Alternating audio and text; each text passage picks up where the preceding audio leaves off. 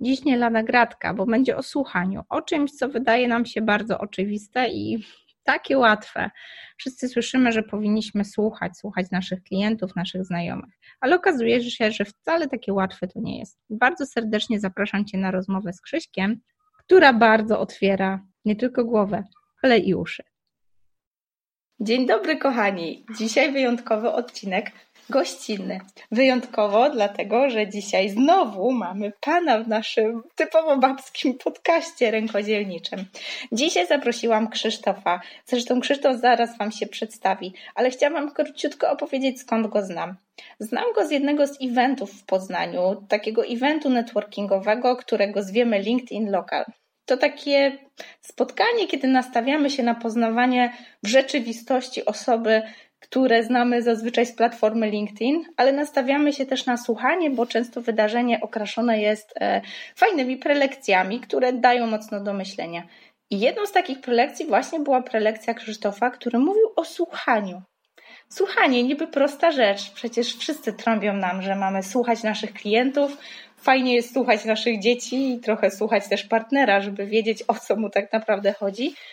Ale Krzysiek podchodzi do tematu z taką głębokością, że stwierdziłam, że jest to bardzo, bardzo cenna myśl, cenna refleksja, którą koniecznie trzeba się podzielić. Dlatego nie przegadując już więcej, zapraszam Was do spotkania z Krzysztofem.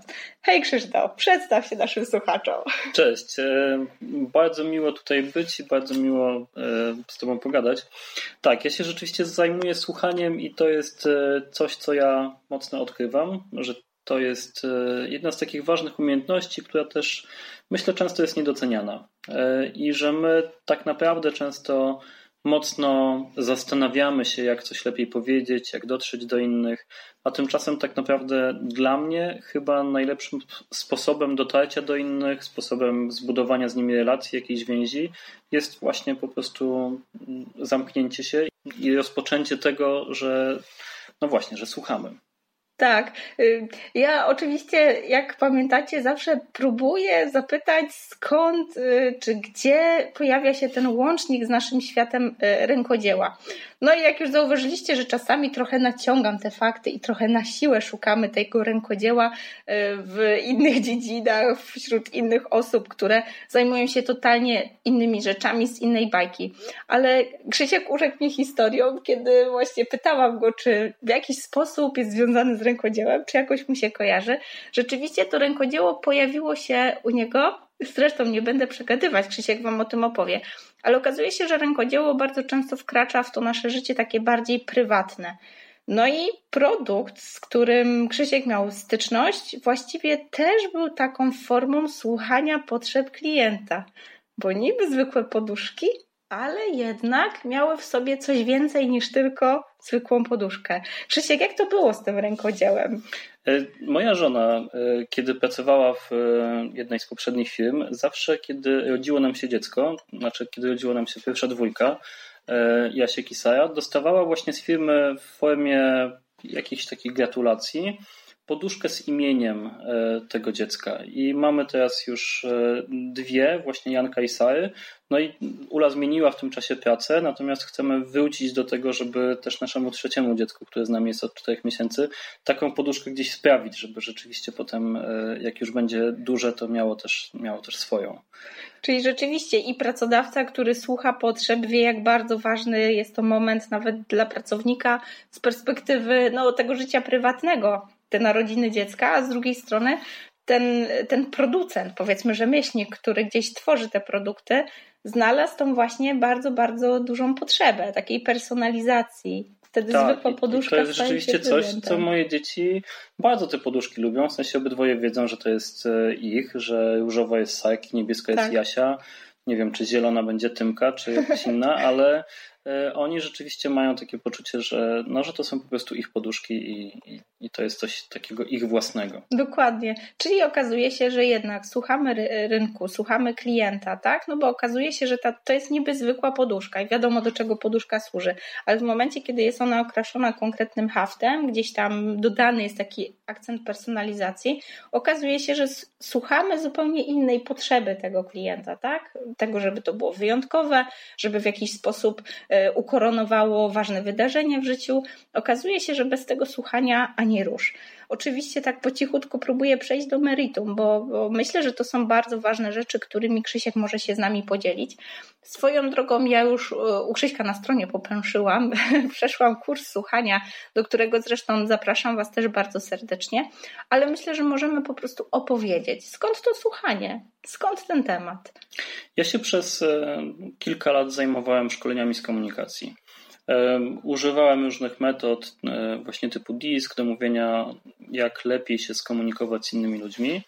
E, I w pewnym momencie zobaczyłem, że tak naprawdę my możemy próbować do innych ludzi dotrzeć. My możemy próbować jakby sprzedać im coś, powiedzieć im o czymś. E, tak. Natomiast często jest tak, że ci ludzie nie będą nas słuchać, ponieważ sami chcą coś powiedzieć. E, I najczęściej ja przynajmniej tego tak doświadczam, że póki ludzie nie zostaną wysłuchani, póki nie mają w sobie gotowości do tego, żeby, żeby nas wysłuchać, żeby wysłuchać tego, co my mówimy. Natomiast mam też jakby drugie takie, drugą taką myśl, takie poczucie, że to słuchanie My możemy słuchać czegoś dla siebie, możemy słuchać po to, żebyśmy my się czegoś dowiedzieli, żebyśmy zdobyli informacje o kliencie, żebyśmy zdobyli jakby to, odkryli jego potrzeby, ale z drugiej strony, jeśli go wysłuchamy trochę głębiej, jeśli pójdziemy dalej w tym słuchaniu, to jakby on będzie w stanie sam dojść do takich miejsc, w których nie był, i zobaczy, że tak naprawdę no, ta poduszka to jest coś więcej niż tylko poduszka, że tam jest coś głębiej, że ona zaspokaja trochę inne potrzeby, że my tego właśnie potrzebujemy, no właśnie, że czegoś głębiej. Jeśli pozwolimy klientowi albo naszemu komuś, komuś, kto dla nas jest bliski, jakby do tego dojść, to my coś dla niego też zrobimy. To on dojdzie gdzieś, gdzie wcześniej nie był. Dokładnie. Urzekło mnie to, jak mówiłeś o słuchaniu, bo mm, wiadomo, że często, kiedy y, inwestujemy w siebie, wybieramy się na jakieś szkolenia, sama też wybierałam się na LinkedIn Local z takim poczuciem, że robię coś w kwestii zawodowej, tak? I oczywiście prelekcja o słuchaniu, tak? A tam opowiadałeś bardzo dużo y, o tym, jak to słuchanie tak naprawdę jest bardzo uniwersalne i nawet jeżeli uczymy się y, go strategicznie pod kątem jakby poprawienia swoich wyników gdzieś tam zawodowo, to okazuje się, że bardzo mocno możemy je przełożyć na to życie prywatne. Mnie osobiście bardzo urzekło to, że jak mówiłeś o tym, że y, kiedy nawet rozmawiasz z żoną i jest taki moment, kiedy nie do końca możesz jej wysłuchać, bo jesteś rozproszony, zdenerwowany, zmęczony po prostu, to informujesz ją o tym i, i prosisz, żeby odłożyć ten moment, kiedy chcesz ją wysłuchać z uwagą. I właśnie mówisz do niej, e, słuchaj, teraz jestem zmęczony, bardzo chciałbym poświęcić Ci tyle uwagi, ile jakby zasługujesz, potrzebujesz. Chciałbym Cię wysłuchać trochę później. Ja to oczywiście wdrażam nie tylko w życiu zawodowym, ale też prywatnym. I za to chciałam Ci bardzo podziękować. Ale wiem, że pociągnąłeś temat dalej. I to wynikało właśnie z tego, że nie jesteśmy w stanie tak naprawdę przekazać komunikatu, dopóki ta druga strona nie jest wysłuchana. Skąd to się wzięło? Czy to właśnie bardziej z domu, czy gdzieś tam z tego doświadczenia zawodowego? Jak y, gdzieś szukam chyba takich swoich y, źródeł słuchania i zajmowania się tym tematem, mhm. to mam takie poczucie, że chyba z 10 lat temu byłem kiedyś na takim kursie kierownictwa duchowego, który bardzo dużo zmienił w moim życiu.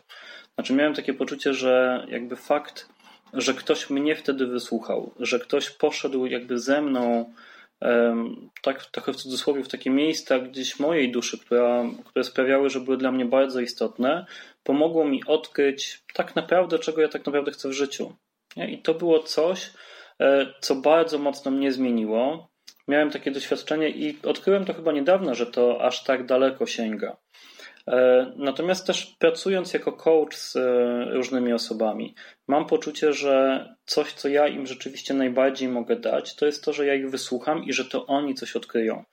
Nie to, że ja im powiem, jakby tak. dam jakąś radę, ale to, że oni sami do czegoś dojdą, sami coś odkryją, ja im stworzę na to przestrzeń, ja im będę towarzyszył, ja będę razem z nimi w tym, ja będę jakby koło nich, kiedy oni będą dotykać czegoś, czego być może się boją, co jest jakoś ciemne trochę w ich sercach i wtedy oni są w stanie dojść dalej, są w stanie odkryć coś bardzo wartościowego dla nich. Dokładnie, no zwłaszcza w tych dzisiejszych czasach, gdzie mamy taki z jednej strony szum medialny, z drugiej strony ten ciągły brak czasu. Mało kto z nas ma nawet czas słuchać tych klientów, a nie mówiąc już o tym, że nie mamy czasu słuchać siebie. Mhm. Powiedziałeś, to jest bardzo cenne.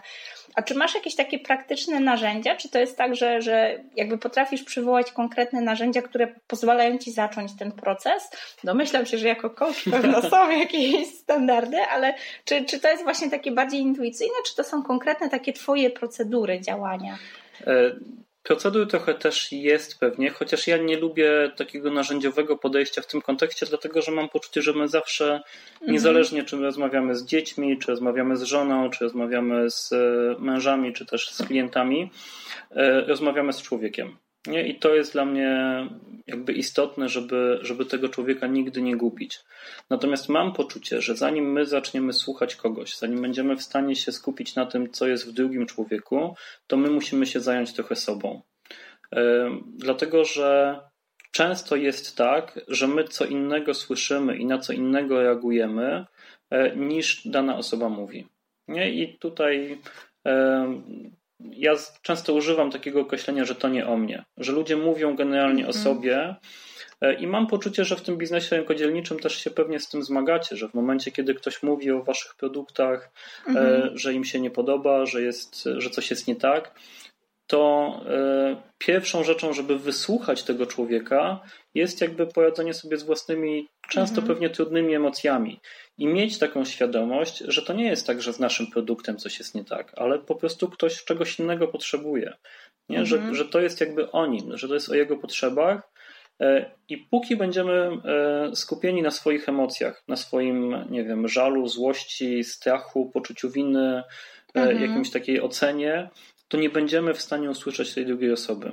I jakby cała moja praca, którą chcę przekazywać, to jest, zaczyna się właśnie od tego, żeby być świadomym własnych emocji, żeby być świadomym tego, że jeśli się skupiam na sobie, to nie jestem w stanie skupić się na tej drugiej osobie. Mhm. Trochę mam poczucie, że jest tak z tą uwagą jak ze wzrokiem, że nie jesteśmy w stanie w tym samym miejscu, w tym samym momencie mhm. patrzeć mhm. w dwa różne punkty.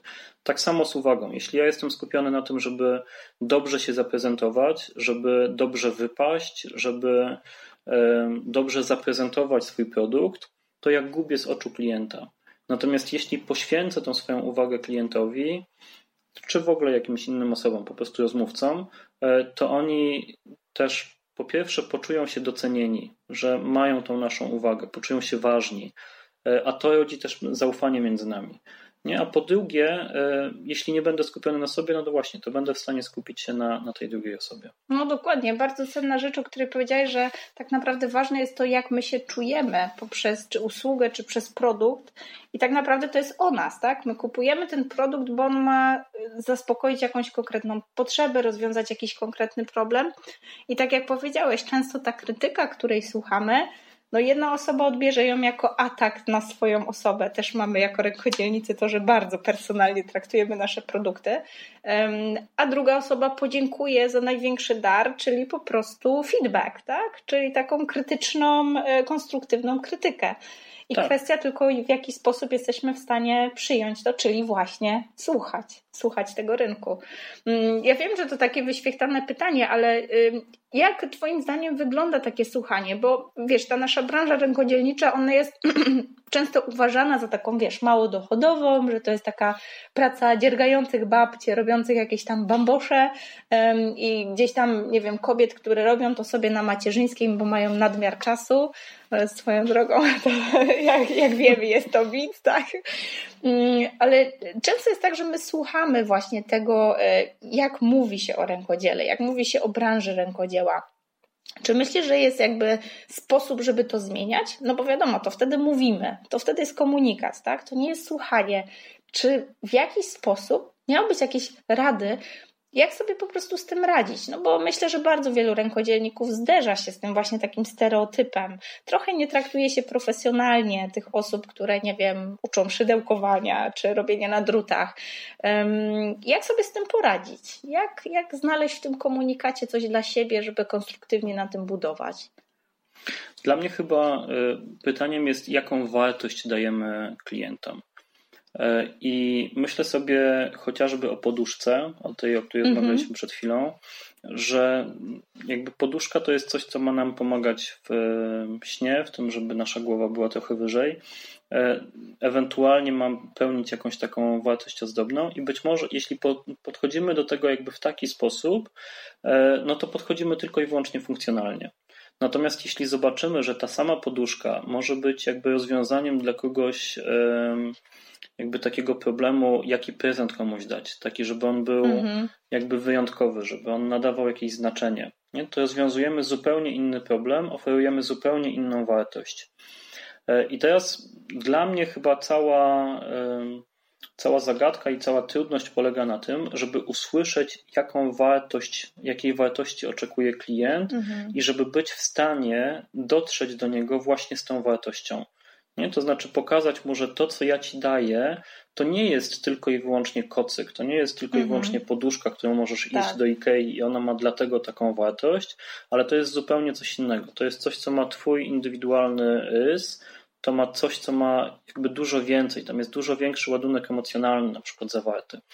E, I mam poczucie, że taki dysonans pomiędzy tym, jak pewne rzeczy postrzegają klienci, a jak my je postrzegamy, oferując jakby pewne rzeczy, pewne nasze produkty, mhm. E, to to jest jakby coś, co, co tutaj, tu jest duża przestrzeń do tego, żeby zarówno pokazać klientowi tą wartość, ale też dostrzec jakby czego on tak naprawdę potrzebuje, czego on szuka, bo on nie szuka poduszki często, nie? On mhm. szuka właśnie wyjątkowego prezentu, on szuka czegoś, co e, jak my będziemy przychodzić do niego do domu, to będziemy pamiętać, że to było od nas. Albo on patrząc na to będzie pamiętał, że to właśnie stąd to dostał. I to jest jakby taka wartość, mam wrażenie, którą możemy dać, ale to jest moje. Nie? I teraz mam wrażenie, że każdy, kto Racja. produkuje jakieś rzeczy, tak. z jednej strony musi usłyszeć klientów i dostrzec jakby w każdym kliencie pewnie to, na czym mu tak naprawdę zależy, a z drugiej strony musi też sobie wcześniej gdzieś tam zdefiniować, do kogo dochodzi, do kogo, do kogo chce dotrzeć ze swoją, ze swoją wiadomością, ze swoją wartością. Dokładnie. Wiesz co, bardzo cenne to, co powiedziałeś. Mam wrażenie, że, że sama nigdy nie patrzyłam na to, co robię z tej perspektywy, bo mm, kiedy teraz jakby pomagam innym rękodzielnikom tworzyć ich modele biznesowe, to bardzo często rzeczywiście okazuje się, że to nie chodzi o pieniądze, no bo tak myślimy o biznesie, że no okej, okay, to jest praca, tak, chcemy, żeby ta praca zarabiała, bo to jest forma płacenia rachunków, ale okazuje się, że no może też z racji faktu, że często moimi klientkami, zresztą najczęściej są kobiety, chodzi nie tylko o zarabianie, chodzi o to, żeby ta praca mogła być na tyle komfortowo jakby połączona z życiem osobistym, żeby pozwalała na przykład na żonglowanie tym czasem, kiedy dzieci chore albo w ogóle bycie w domu z dziećmi, i tak jak powiedziałeś, w momencie, kiedy ja zaczęłam komunikować to, że sama jestem mamą, że sama żongluję tym czasem jak szalona, że sama pracuję, kiedy po prostu mogę, bo akurat są te godziny, kiedy dzieci są w placówkach edukacyjnych i po prostu mogę się skupić, to okazało się, że te moje usługi tylko i wyłącznie dlatego są bardzo wiarygodne, bo sama to robię, sama jestem praktykiem i tylko dlatego te kolejne osoby chcą się ode mnie tego uczyć, Nigdy na to nie wpadłam. Zawsze komunikowałam to, jaką wartość dostaję, że jeżeli przechodzisz u mnie program, to takie a takie efekty osiągasz, tak a tak jesteś w stanie zbudować model, w takim a takim ta czasie w ten sposób zwróci ci się inwestycja. I rzeczywiście dopiero w momencie, kiedy zaczęłam trochę więcej mówić o tym, że zobaczcie, ja daję radę, da się utrzymać, ja nie potrzebuję um, co dwa miesiące w czasów na Karaibach, mhm. tak? Ale fajnie, jak mogę z dzieciakami do Chorwacji wyjechać i to jest mój pułap finansowy, na który zarabiam to rzeczywiście ta sprzedaż przestała być sprzedażą.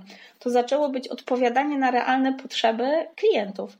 I tak naprawdę no mam wrażenie, że, że, dopiero teraz sobie to uświadomiłam dzięki twojej, dzięki twojej właśnie wypowiedzi.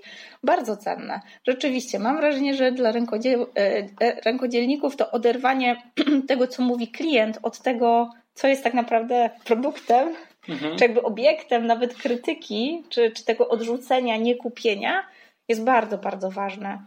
Tak, ale zobacz też, że jakby rozmawialiśmy wcześniej trochę o różnych mhm. E, osobach, którymi się inspirujemy. Nie? I e, jak mówisz o Sigrun, e, mhm. ja jestem dużym fanem Seta Godina i jego programów tak. i mam wrażenie, że jak słyszymy o ich nowych produktach, to najpierw wzbudza się coś takiego, że my je chcemy, tak. a dopiero potem jakby myślimy, ok, po pierwsze ile to kosztuje jest albo au, albo uf, tak. myślałem, że będzie więcej, a potem kombinujemy skąd no to wziąć pieniądze, nie? tak. jakby najpierw mam wrażenie, że trzeba, znaczy, i to jest pytanie, co zrobić, żeby wzbudzić w klientach jakby Potrzebę. takie pożądanie tak. tego, że, że my to rzeczywiście chcemy, nie?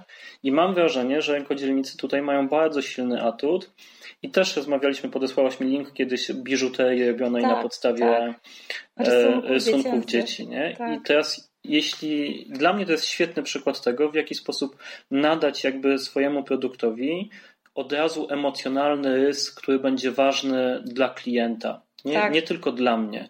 Nie to, że ja będę z tym jakoś mocno związany i to mi się będzie bardzo podobać i ja bym chciał mieć to w mieszkaniu, tak. ale że to od razu będzie coś dla klienta. I mam wrażenie, że to jest jakby coś, czego warto szukać. Tak, tak. Ta personalizacja, właśnie to, o czym mówisz. Też mam wrażenie, że coraz bardziej jesteśmy świadomymi klientami. Trochę ba coraz bardziej, mam wrażenie, męczą nas już właśnie te taśmówki, sieciówki, ta ilość, to, to bycie podobnym do wszystkich dookoła i coraz bardziej chyba szukamy właśnie tego, żeby być unikalnym, żeby właśnie zaglądać w siebie.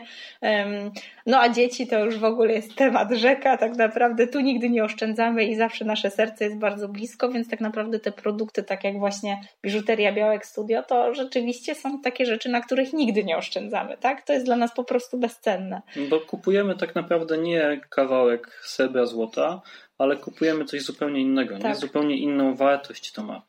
No i teraz jakby z perspektywy, mam wrażenie, rynkodzielnika powstaje pytanie, ok, jak taką wartość, którą klienci w taki sposób będą postrzegali, jak do tego dojść, nie? jak się mhm. zaprezentować jakby tej grupie klientów. I mam wrażenie, że druga rzecz, e, którą tak naprawdę też mówisz w swoim podcaście na przykład, nie? Że, że miałaś poczucie, że na początku e, mhm.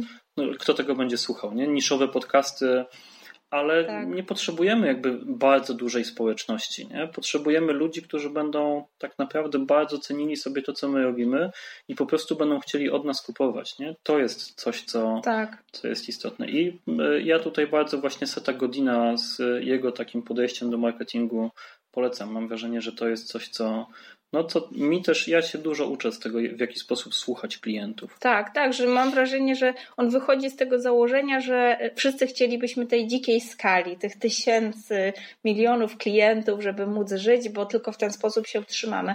A okazuje się, że to jest mit, że tak naprawdę no, wystarczy nam taka minimalna grupa prawdziwych klientów, takich, z którymi nadajemy na tych samych falach, żeby tak naprawdę móc rynkowo funkcjonować, no i tak brzydko mówiąc, obsługiwać nawet małą grupę, ale rzeczywiście robić to tak, że trafiamy do ich serca. Tak. Tak, i ja trochę mam poczucie też, że tutaj ważna jest taka praca nad moim własnym nastawieniem, nad takim mindsetem, i ja na przykład widzę też, jak dużo mi daje poczucie bezpieczeństwa finansowego w kontekście swobody tworzenia. Mhm. Nie? Tego, że jeśli ja gdzieś tam nie spinam się rachunkami, nie spinam się kredytem, nie spinam się innymi rzeczami, właśnie z tymi związanymi, to ja zupełnie inaczej tworzę. Nie, nie mam jakby spiny i to czuć potem. To jakby wychodzi. Tak.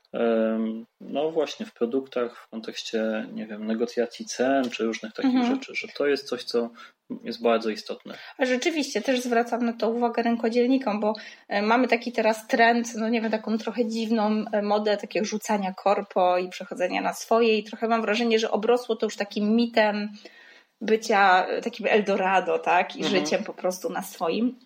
I często właśnie mamy takie przypadki osób, które rzuciły pracę i dopiero myślą, co dalej. A zazwyczaj w tych programach mówię, hola, hola, powolutku.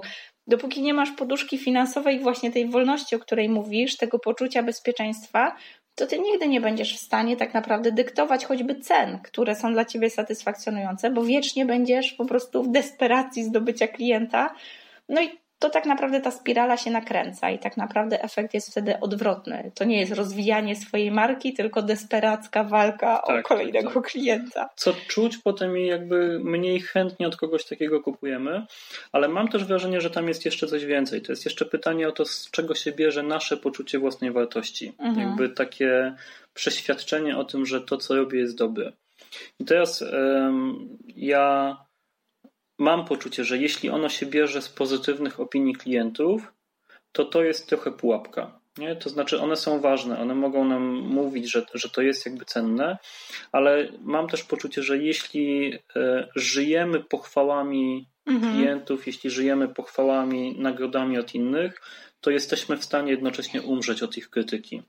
Nie? To znaczy to, co nas będzie karmiło, mhm. to jeśli to się zmieni, jeśli komuś się to nie spodoba, to my to będziemy mocno w sobie nosić. Tak. Nie? I ja widzę, że gdzieś tam miałem takie chwile, kiedy e, no, kiedy rzeczywiście widziałem, ile mnie kosztuje to, żeby się, mm, że się przywiązałem do, do pytania o opinię, nie? o to, tak, czy ktoś jest zadowolony, tak. czy nie jest zadowolony. Tak, tak bardzo cenne to, co mówisz. Y, ja oczywiście nie chcę przeciągać, bo, bo moim zamiarem jest też odesłanie Was do, do miejsc w sieci od Krzyśka. Oczywiście je wszystkie podlinkuję tutaj. Serdecznie polecam ten kurs o słuchaniu, który jest krótki, zwięzły i na temat. Takie treści lubię. Po prostu małe, krótkie y, wideo, które bardzo mocno dają do myślenia i tak naprawdę, no przynajmniej w moim przypadku, nawet dwukrotne, trzykrotne oglądanie, oglądanie daje trochę tak jak z dobrym filmem, że za każdym razem dostrzegamy coś zupełnie innego, na co wcześniej nie zwracaliśmy uwagi. Bardzo serdecznie Wam polecam, ale jest jeszcze jedno takie pytanie, które zawsze po prostu próbuję przemycić na koniec, mm, bo wiemy, że, że tak naprawdę to, kim jesteśmy tu i teraz, to jest suma tych naszych sukcesów i upadek, e, upadków. I mam wrażenie, że często te upadki są dla nas cenniejsze niż te zwycięstwa, że to te upadki sprawiają, że dostajemy największe lekcje, że jakby wzbudza się w nas najgłębsza refleksja.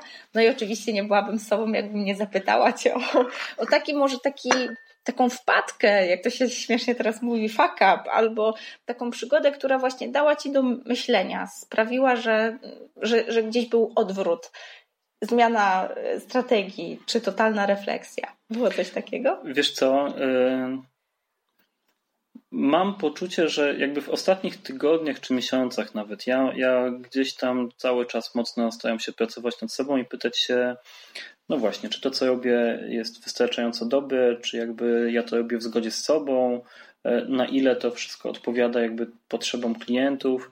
E, I miałem serię kilku szkoleń jakby w takiej firmie, mhm. w której e, właśnie uczyłem słuchać. I ja prowadzę szkolenia czasem właśnie takie warsztatowe, otwarte. I to jest zupełnie inna bajka niż szkolenia, które są w zamkniętej firmie, kiedy ludzie przychodzą, bo trochę zostali wysłani. Mhm. I szef tej, kazał, tak. Szef kazał, tak. A do tego jakby słuchanie, jakby mam się uczyć słuchania, o co w ogóle chodzi, nie? Każdy przecież ma dwoje uszu, tak. nie może ich jeszcze zamknąć, w związku z czym jakby to przychodzi nam naturalnie. E, I za każdym razem, jak szedłem na to szkolenie, no to potem było pytanie właśnie chociażby o cenę, nie? Gdzieś tam o mhm. zmaganie się, czy to jest wystarczająco dobre, czy nie. E, I kilka miesięcy temu przeczytałem książkę e, Caroline, Carol Dweck, e, Mindset mhm. po angielsku, to jest, po polsku ktoś strasznie skrzywdził e, Carol Dweck i przetłumaczył to jako nowa psychologia sukcesu. I rzeczywiście zacząłem e, jakby takie krytyczne głosy, czy, czy rzeczy, które ludzie mówili, że no to być może było coś innego niż ja sobie wyobrażałem, niż chciałem. Mhm. Wsłuchiwać się w to i doszukiwać się potrzeb tych ludzi. Mhm. I dla mnie to było bardzo uczące doświadczenie tego, żeby E, ze szkolenia na szkolenie wsłuchiwać się coraz bardziej, nie brać tego jakby do siebie. Znaczy, generalnie te opinie były pozytywne, ale jakby mhm. zawsze zdarzały się ktoś, kto, kto potrzebował być może czegoś innego. I to było dla mnie mega doświadczenie, w którym miałem taką możliwość na bieżąco korygować pewnych rzeczy, sprawdzać sobie, testować. I to jest też coś, co e, bardzo mi się sprawdza, jest, jest takim odkryciem, właśnie testowanie różnych rzeczy, eksperymentowanie. Mhm. Jednocześnie z takim podejściem, żeby nie pytać się do końca o to, no właśnie, czy ja jestem wystarczająco dobry, ale żeby sprawdzać, dobra, czego ktoś inny potrzebuje. Nie? Wsłuchiwać się mhm. trochę w to, w to co, co inni chcą. Czyli niekończąca się lekcja tak naprawdę. Można ją odnieść praktycznie do, do każdej sytuacji, która gdzieś jakieś każdego wyzwania, które przed nami życie stawia. Trochę tak i mam wrażenie wtedy też, że strach przed nowymi doświadczeniami zamienia się w ciekawość. Nie? I to jest dla mnie też e, bardzo wartościowe, żeby próbować w taki sposób podchodzić do pewnych wyzwań.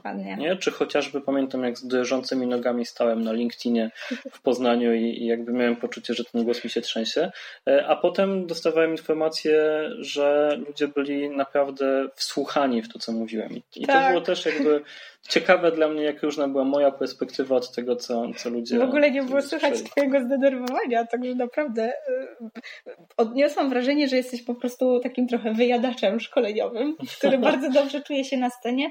Sam fakt, że właśnie mówiłeś bardzo spokojnym, takim, takim mm, kojącym głosem, nie było to przemawianie, tylko właśnie mówienie, e, to, to moim zdaniem była naprawdę świetna wartość. A czy będzie można Cię gdzieś zobaczyć? Czy jeszcze w Poznaniu gdzieś e, na tego typu eventach będzie można się z Tobą, nie wiem, nawet spotkać, zobaczyć? Wiesz co, e, teraz chyba nic takiego mi nie przychodzi na myśl. Mi się zdarza prowadzić właśnie warsztaty otwarte i w mhm. listopadzie jeszcze w Poznaniu będę. E, natomiast zawsze jestem bardzo otwarty na to, żeby o tym słuchaniu mówić. Ja mam poczucie, że to słuchanie jest w stanie zmienić świat. E, mówię to jakby odważnie, tak. E, dodając potem zawsze, że nawet jeśli nie cały świat, to, to wiem, że jest w stanie zmienić świat tej osoby, której właśnie słuchamy i bardzo dużo mu dać. W związku z czym gdzieś tam taką moją wewnętrzną misją jest to, żeby o tym jak najwięcej mówić i, i z tym słuchaniem docierać. E, także jeśli się jakaś okazja pojawi, to z przyjemnością z niej skorzystam. Świetnie. To strasznie Ci dziękuję, Krzysiek, za tą rozmowę. Bardzo duża wartość. Ja oczywiście podlinkuję wszystkie materiały i będę bardzo serdecznie zapraszać, żebyście zaglądali do Krzyśka na stronę. Myślę, że jeżeli coś się będzie działo, nawet stacjonarnie w Poznaniu, to pewno tam pojawi się informacja. Czy są jeszcze jakieś miejsca w sieci, gdzie można Cię znaleźć? Jakieś, nie wiem, może LinkedIn, Facebook? E, bywam w różnych miejscach. Mam nadzieję też, że niedługo e, ruszę z kanałem na YouTubie. Chodzi mi cały czas po głowie podcast, ale tutaj pewnie jeszcze muszę e, nad tym popracować trochę. Ale chętnie te, te miejsca też podlinkuję Ci, czy podeślę Ci, Super. gdzie mogę być. Świetnie, świetnie. Jeszcze raz dziękuję za dzisiejszą rozmowę. Dzięki również, cała przyjemność po mojej stronie.